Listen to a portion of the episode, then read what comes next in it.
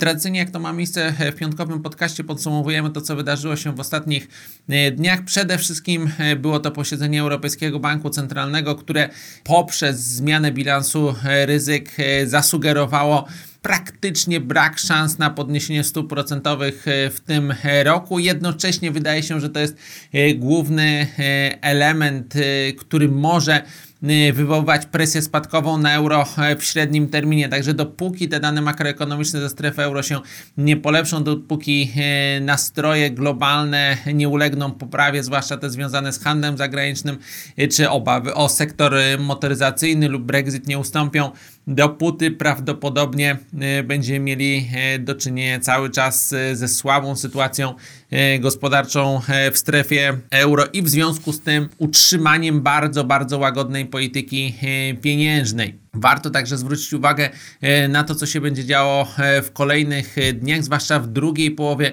przyszłego tygodnia. Mamy posiedzenie rezerwy federalnej. Najprawdopodobniej również zobaczymy jakieś ustalenia dotyczące tak zwanego zawieszenia działalności rządu federalnego, niektórych instytucji federalnych, tak zwanego shutdownu.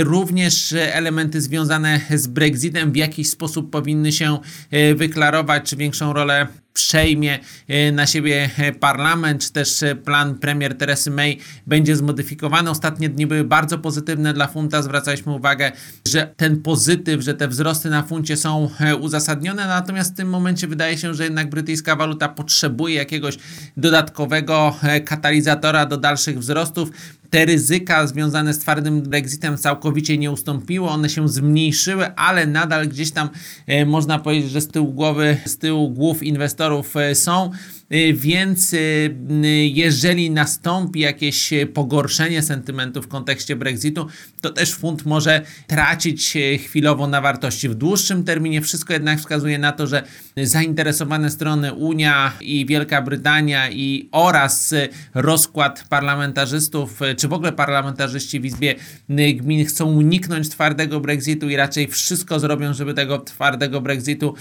nie było, biorąc pod uwagę, jakie mogą być reakcje rynkowe. Także raczej cały czas pozytywny sentyment e, na funcie, ale być może z ochłodzeniem tych, e, tych dobrych nastrojów w związku z brakiem postępu w kontekście finalnego porozumienia.